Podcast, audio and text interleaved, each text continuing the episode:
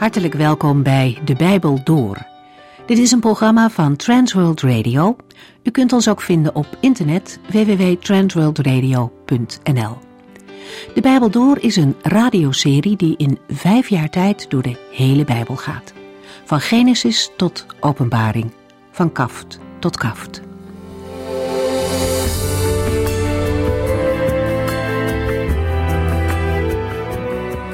We hebben de vorige keer een inleiding gegeven over de profeet Jezaja. In de komende afleveringen gaan we graag samen met u door dit boek. Een profeet is iemand die namens God tot het volk spreekt. Hij is dus niet een toekomstvoorspeller, integendeel, hij reageert vaak op een actuele situatie. We zullen zien dat Jezaja het volk waarschuwde, oordelen aankondigde, maar ook woorden van troost sprak. En het is duidelijk dat er een diepere laag in dit Bijbelboek zit, waarin Jezaja vooruitwijst naar de Messias en naar de eindtijd. Maar allereerst riep hij in zijn eigen tijd het volk van Juda op om terug te keren naar God. De naam van de profeet Jezaja betekent de Heere is redding of de Heere redt. Hij heeft onder vier Judese koningen als profeet gediend. En waarschijnlijk had Jezaja aan het hof rechtstreeks toegang tot de koning. Ook Jezaja's vrouw was een profetes, volgens hoofdstuk 8. Zij kregen twee zonen die elk een naam vol betekenis hadden. Behalve het Bijbelboek heeft Jezaja ook andere teksten geschreven. Hij beschreef het leven van de koningen Uzia en Hiskia. De politieke situatie in Jezaja's tijd was niet zo rooskleurig. Ten noorden hebben de Assyriërs de macht en ten zuiden bloeide het Egyptische Rijk. Syrië en het Tienstammenrijk sluiten een bondgenootschap tegen Juda. Koning Uzia wil hulp in het buitenland vragen tegen de bedreigingen van buitenaf. Jezaja is hier sterk op tegen. Hij weet dat het volk voor echte hulp zich tot God moet richten. Toch neemt Juda de woorden van de profeet niet ter harte en gaat ze op haar eigen manier door. We zullen dat de komende weken vanzelf horen. Tot slot nog dit. Ondanks wat critici menen, zijn er goede gronden om ervan uit te gaan dat het Bijbelboek Jezaja door de profeet zelf is geschreven. Volgens de Joodse overlevering is Jezaja uiteindelijk op een vreselijke manier omgebracht onder het koningschap van Manasse.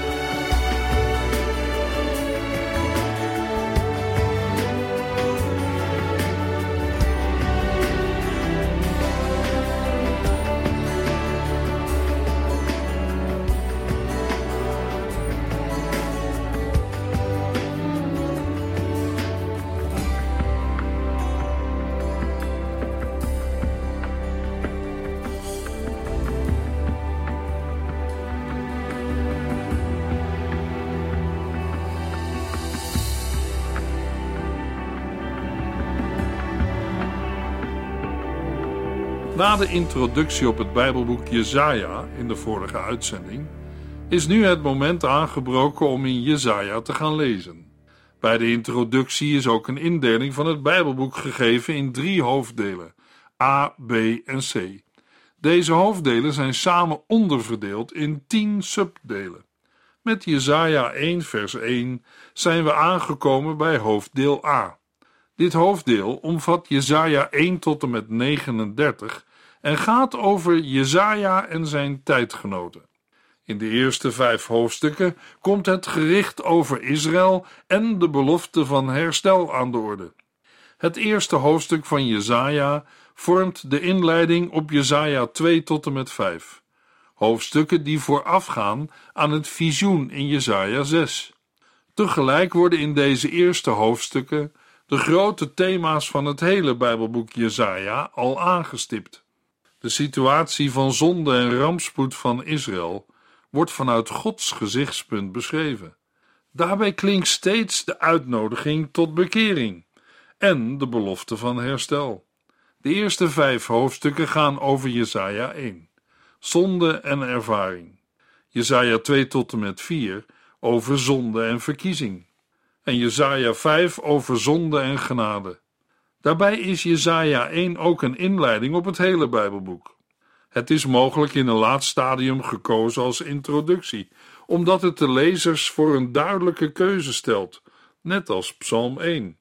Daarnaast ziet het inhoudelijk terug op een verdrukking En zijn er ook opvallende overeenkomsten in woordgebruik en thema's tussen Jesaja 1 en Jesaja 65 en 66. Een paar voorbeelden. De stad Jeruzalem of Sion lijkt op Sodom en Gomorra.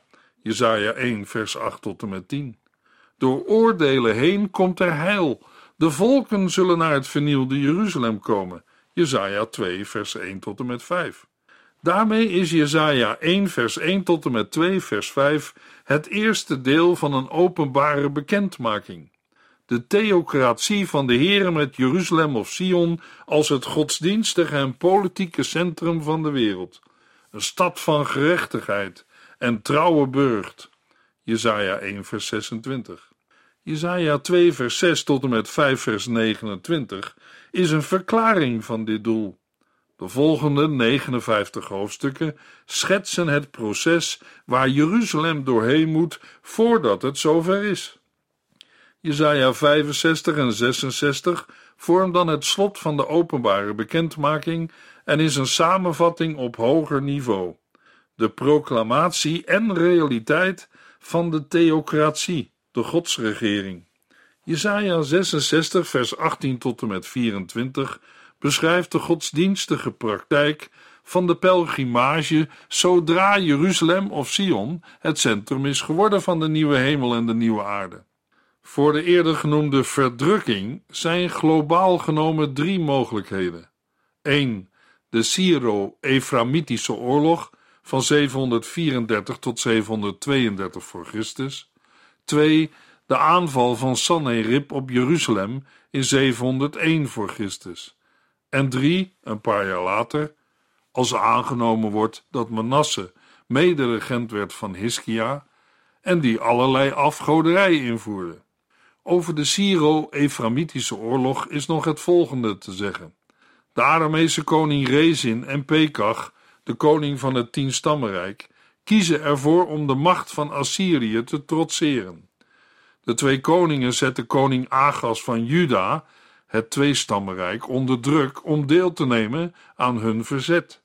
Zijn weigering leidt tot de belegering van Jeruzalem. Deze oorlog wordt meestal de Syro-Eframitische oorlog genoemd, waarbij Syrië de oude aanduiding van Aram is en het tienstammenrijk Ephraim wordt genoemd. Volgens 2 Kronieken 28 geeft de Heere Agas in de macht van de koning van Aram. De koning van Aram of Syrië neemt veel Judeërs gevangen en voert hen weg in ballingschap naar Damascus. Pekach van Israël doodt 120.000 Judese strijders en neemt 200.000 Judese vrouwen en kinderen als krijgsgevangenen mee. Agas is bang voor de aanval van Rezin en Pekach en koopt Assyrische hulp in met het tempelgoud. Tiglat-Pileser III komt met zijn leger, doodt koning Rezin van Aram, verslaat Pekach van Israël, plundert het gebied en neemt de bevolking mee in ballingschap. Tevens stelt hij Hosea als koning aan. De cultische ontaarding die in het noorden aan de gang is, wordt door Agas voortgezet. Hij plaatst een kopie van een altaar uit Damascus in de tempel te Jeruzalem. De profeet Jezaja waarschuwt ernstig tegen het vertrouwen op Assyrië en kondigt de nederlaag van de Syro-Eframitische coalitie aan. Jesaja 1 kan als introductie geplaatst zijn voor Jesaja 2 tot en met 12. Een nieuw gedeelte dat ook een opschrift bevat met de naam van de profeet. Jesaja 1 is als volgt opgebouwd. In vers 1 vinden we het opschrift. In de versen 2 tot en met 9 een analyse van de geestelijke toestand van Israël. In de versen 10 tot en met 20 lezen we de boodschap dat de Heere bekering verlangt en geen offers of een uiterlijke godsdienst waar het hart niet bij is. In Jesaja 1 vers 21 tot en met 31 lezen we tenslotte Gods antwoord op de huidige toestand van het volk.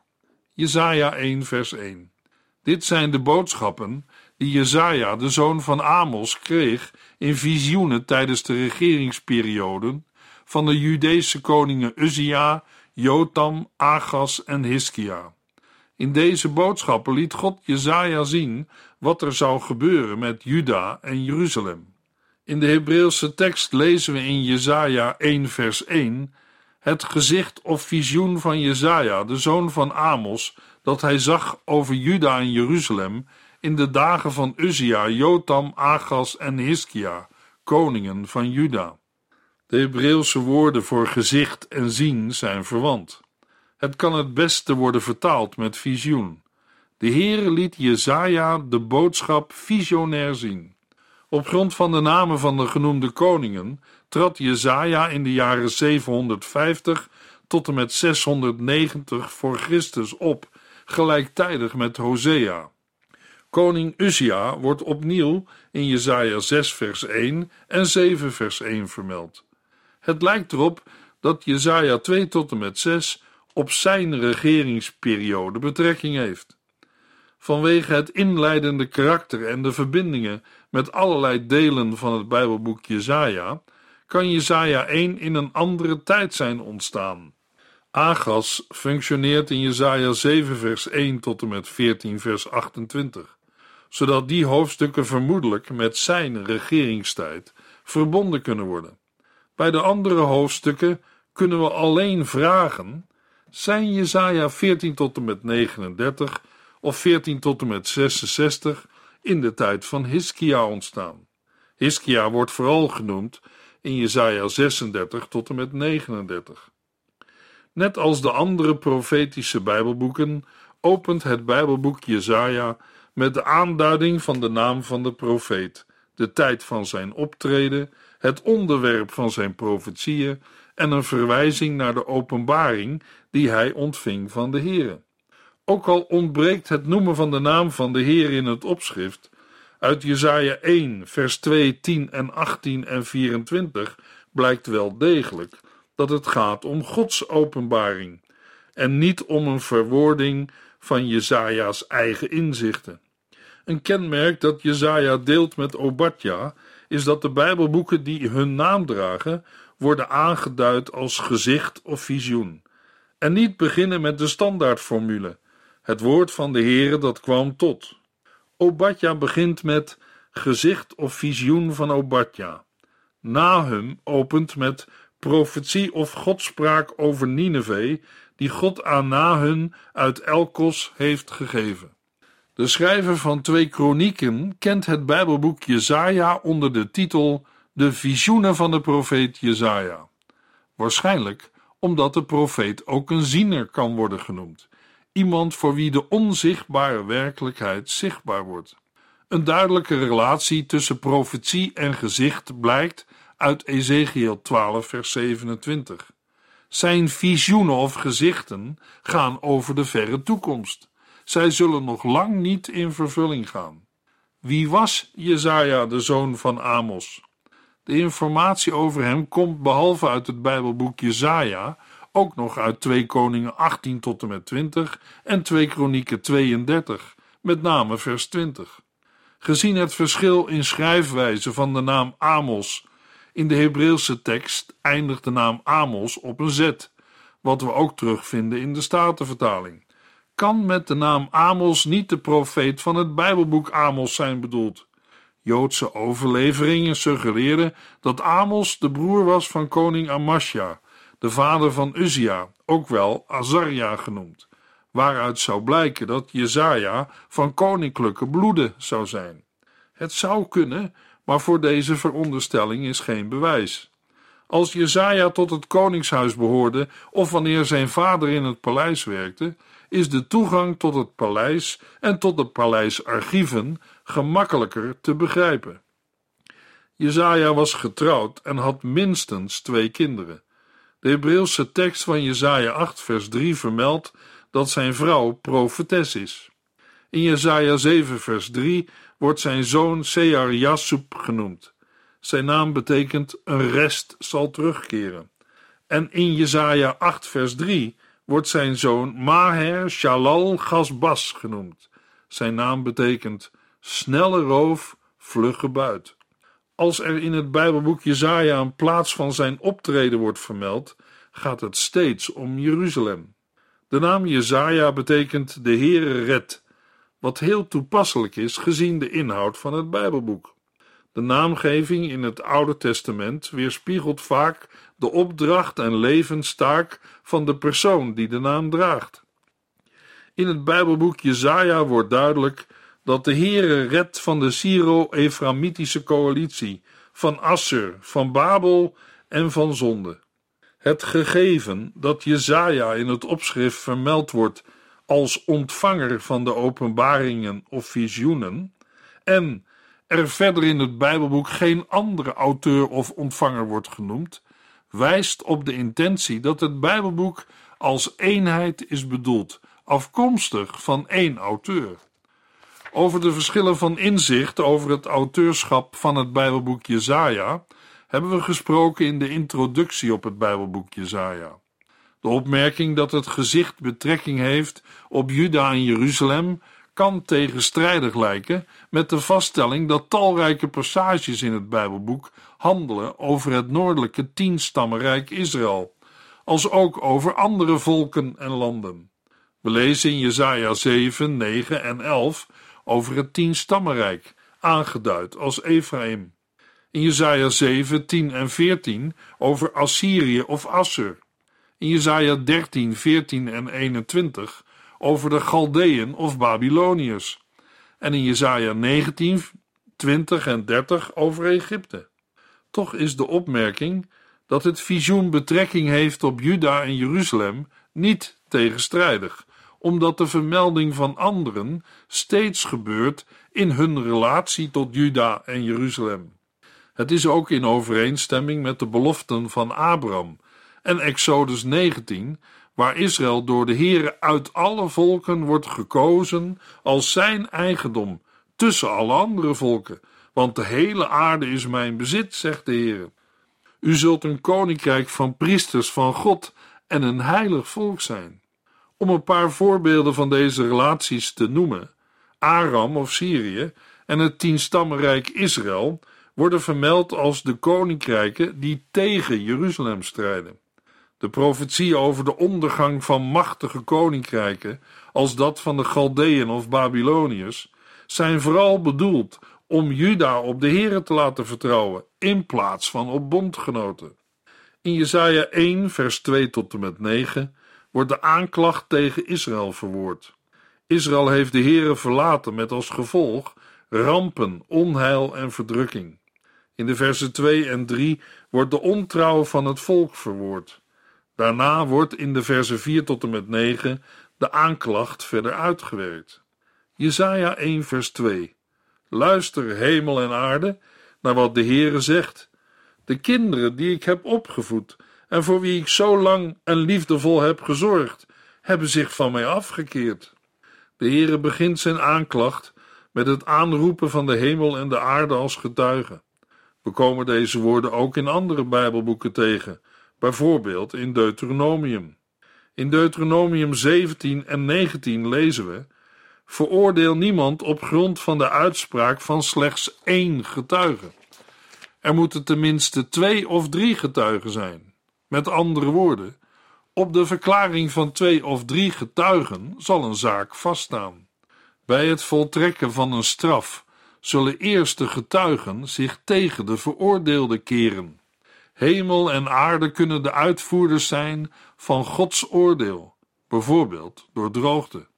Als in de internationale politiek een vazal het verdrag schond, kon de soevereine vorst een aanklacht zenden.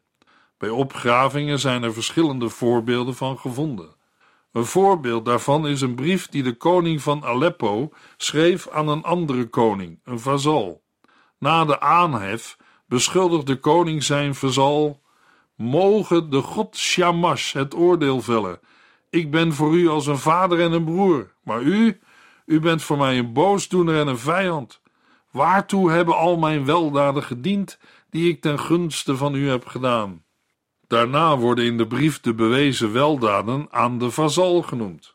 De schrijnende ondankbaarheid van de vazal wordt door het noemen van concrete misdrijven aangetoond, waarna de brief besluit met een laatste waarschuwing. Er zijn verschillende voorbeelden van dergelijke brieven gevonden. Dit vergelijkingsmateriaal toont dat de aanklacht van een soeverein een eigen literaire vorm had. Daarin zijn meestal de volgende vijf elementen te ontdekken. 1. Een inleiding om het onderwerp ter sprake te brengen. Soms worden hemel en aarde als getuigen opgeroepen. 2. Een ondervraging waarin de eerste beschuldiging al vervat ligt. 3. Een aanklacht met nauwkeurige vermelding van de begane overtredingen. 4. Een verwijzing naar de voorgeschiedenis van het verbond met het verschil in houding tussen de soeverein en de vazal. 5. Een veroordeling of een waarschuwing. Dezelfde zaken komen ook in de beschuldiging in Jesaja 1 voor. 1. Hemel en aarde worden opgeroepen te luisteren naar de aanklacht van de Heere. De aanklacht is dat de Heere kinderen heeft opgevoed, maar dat ze afvallig zijn geworden. 2. De ondervraging in Jesaja 1 vers 5, 11 en 12. 3. De aanklacht dat Israël de Heere heeft verlaten. 4. De voorgeschiedenis. En 5. De veroordeling en waarschuwing in Jesaja 1 vers 19 en 20. Laat mij u helpen en gehoorzaam mij, dan zal het land u volop te eten geven. Maar als u mij de rug blijft toekeren en weigert naar mij te luisteren, zullen uw vijanden u doden. Ik, de Heere, heb gesproken. Het is niet moeilijk om in Jesaja 5, in het lied van de wijngaard, dezelfde elementen op te merken. Als voorbeeld noem ik het tweede element, de ondervraging. In Jesaja 5 vers 4 lezen we: Wat had ik, de Heere, nog meer kunnen doen? Waarom gaf mijn wijngaard mij wilde druiven in plaats van zoete? Dergelijke aanklachten veronderstellen het verbond, waarin rechten en plichten zijn geregeld en die bepalend zijn voor zegen en vloek. In zijn prediking houdt Jezaja zich niet aan het vaste patroon van een rechtszaak, maar gebruikt hij de elementen ervan in een persoonlijke waarschuwing. De woorden: Luister hemel en aarde naar wat de Heere zegt, zijn dan ook geen woorden die de toon hebben van een rechtszaak, maar van een persoonlijke verzuchting. Gods volk gedraagt zich immers tegendraads en tegennatuurlijk. De Heere verwoordt door Jezaja wat natuurlijke ouders ook kunnen meemaken met hun kinderen. De Heer heeft kinderen grootgebracht en opgevoed, maar ze zijn tegen hem in opstand gekomen. De Heere wijst hier niet alleen op de bestaande verbondsrelatie, maar ook op de nog intiemere band tussen ouder en kind. Andere vertalingen hebben voor het woord afgekeerd tegen God overtreden en afvallig worden van God. Jesaja 1 vers 3 Het rund en de ezel kennen hun eigenaar en zijn dankbaar als hij hun eten geeft. Maar bij mijn volk Israël is daar geen sprake van. Zij zien niet in dat ik voor hen zorg. Zelfs dieren, als een rund en een ezel, die minder intelligent zijn dan een mens, weten wie hun baas of eigenaar is en wie hun eten geeft, en ze gedragen zich daar ook naar. Rund en ezel gaan door voor domme dieren. En dat is in onze Nederlandse taal ook zo. Met de woorden rund en ezel wordt meestal niet de intelligentie van een mens geprezen. Zelfs dieren kennen hun eigenaar en zijn dankbaar als ze eten krijgen. Maar van Israël moet gezegd worden: bij mijn volk Israël is daar geen sprake van. Zij zien niet in dat ik voor hen zorg. Voor alle duidelijkheid moeten we nog even ingaan op de vraag: wat wordt er met Israël bedoeld? Gezien de achterliggende verbondsrelatie en de ouder-kindrelatie van de Heere met zijn volk, moeten we hier niet denken aan het noordelijke rijk, maar aan het hele volk van God, zoals het oorspronkelijk was bedoeld.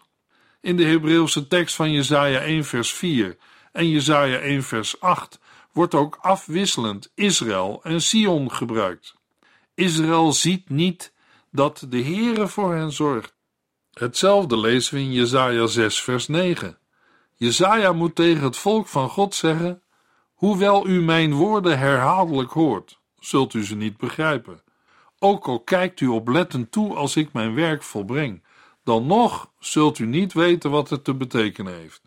En in Jesaja 27 vers 11 Mijn volk is als de dode takken van een boom, die worden afgebroken en onder etenspotten worden opgestookt. Deze mensen vormen een onverstandige natie, een dom volk, want zij keren zich van God af. Welke rampen er ook gebeuren, het volk leert er niets van en herkent de waarschuwingen van de Heer niet. Jesaja 30 en 31 beschrijven de houding van het volk. Zij zoeken hun hulp niet bij de Heere, maar bij Egypte. In Jesaja 1 vers 3 worden dieren voorbeelden voor Israël. Uitgerekend die dieren die in Lucas 2 ook bij de geboorte van Jezus aanwezig waren. Terwijl mensen geen interesse hebben, tonen rund en ezel inzicht in Gods handelen. Het is ook opvallend dat de Heer in Jesaja 1 vers 3 geen concrete zonden noemt, maar de kern van het probleem belicht, namelijk de opstand van het volk tegen hem. De kinderen die ik heb opgevoed en voor wie ik zo lang en liefdevol heb gezorgd, hebben zich van mij afgekeerd. Uit die zondige basishouding komen alle concrete zonden voort. Het is dan ook diep tragisch dat het volk zich tegen beter weten in lossnijdt van de Heere, die de levensbron en de bestaansrede van Gods volk is. En, luisteraar, de klacht van de Heere geldt vandaag niet alleen voor zijn volk Israël, maar voor veel mensen. Zij mogen iedere dag weer Gods goedheid en genade ervaren. Overdenken wij ons leven, dan moeten wij volmondig toegeven dat de Heer al zo lang en liefdevol voor ons heeft gezorgd. Ook voor die mensen die Hem in de loop van hun leven de rug hebben toegekeerd. Stel dat de Heer het u of jou zou vragen: wat had ik, de Heer, nog meer kunnen doen? Waarom gaven wij Hem wilde druiven in plaats van zoete? Waarom leefden wij niet tot eer van Zijn naam? Waarom laten wij als Zijn schepping Hem maar roepen en doen velen alsof de Heere er niet is? Luisteraar, ik kan u het geloof in de Heere niet geven. Maar ik lees wel in Gelaten 6 vers 7 tot en met 9. Maak uzelf niets wijs. God laat niet met zich spotten. Wat iemand zaait, zal hij ook oogsten. Wie naar de oude menselijke natuur leeft, kan alleen maar dood en verderf verwachten. Maar wie door de Heilige Geest leeft, zal ervaren dat de Geest eeuwig leven geeft. Laten wij nooit ophouden met goed doen, want na verloop van tijd zullen wij de zegen ervan oogsten, als wij tenminste niet opgeven. Alles wacht op de grote dag van de Messias, de Heer Jezus Christus. Luisteraar, bent u klaar voor die dag? In de volgende uitzending lezen we Jesaja 1, vers 4 tot en met 18.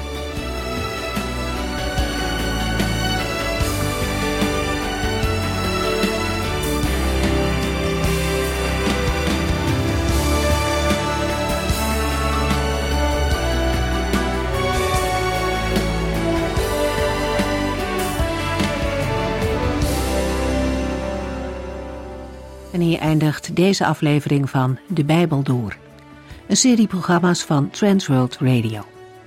Wilt u ons iets vragen of meer weten? Dan kunt u altijd contact met ons opnemen. Bellen kan overdag met 0342 478432. Per post Transworld Radio. Postbus 371. Postcode 3770. Anton Johannes in Barneveld. En e-mailen kan ook. De Bijbel door at transworldradio.nl En natuurlijk ook via onze website transworldradio.nl Dit programma werd gepresenteerd door Cor Weda en Ike André. En namens iedereen die er nog meer aan meegewerkt heeft, graag tot de volgende keer.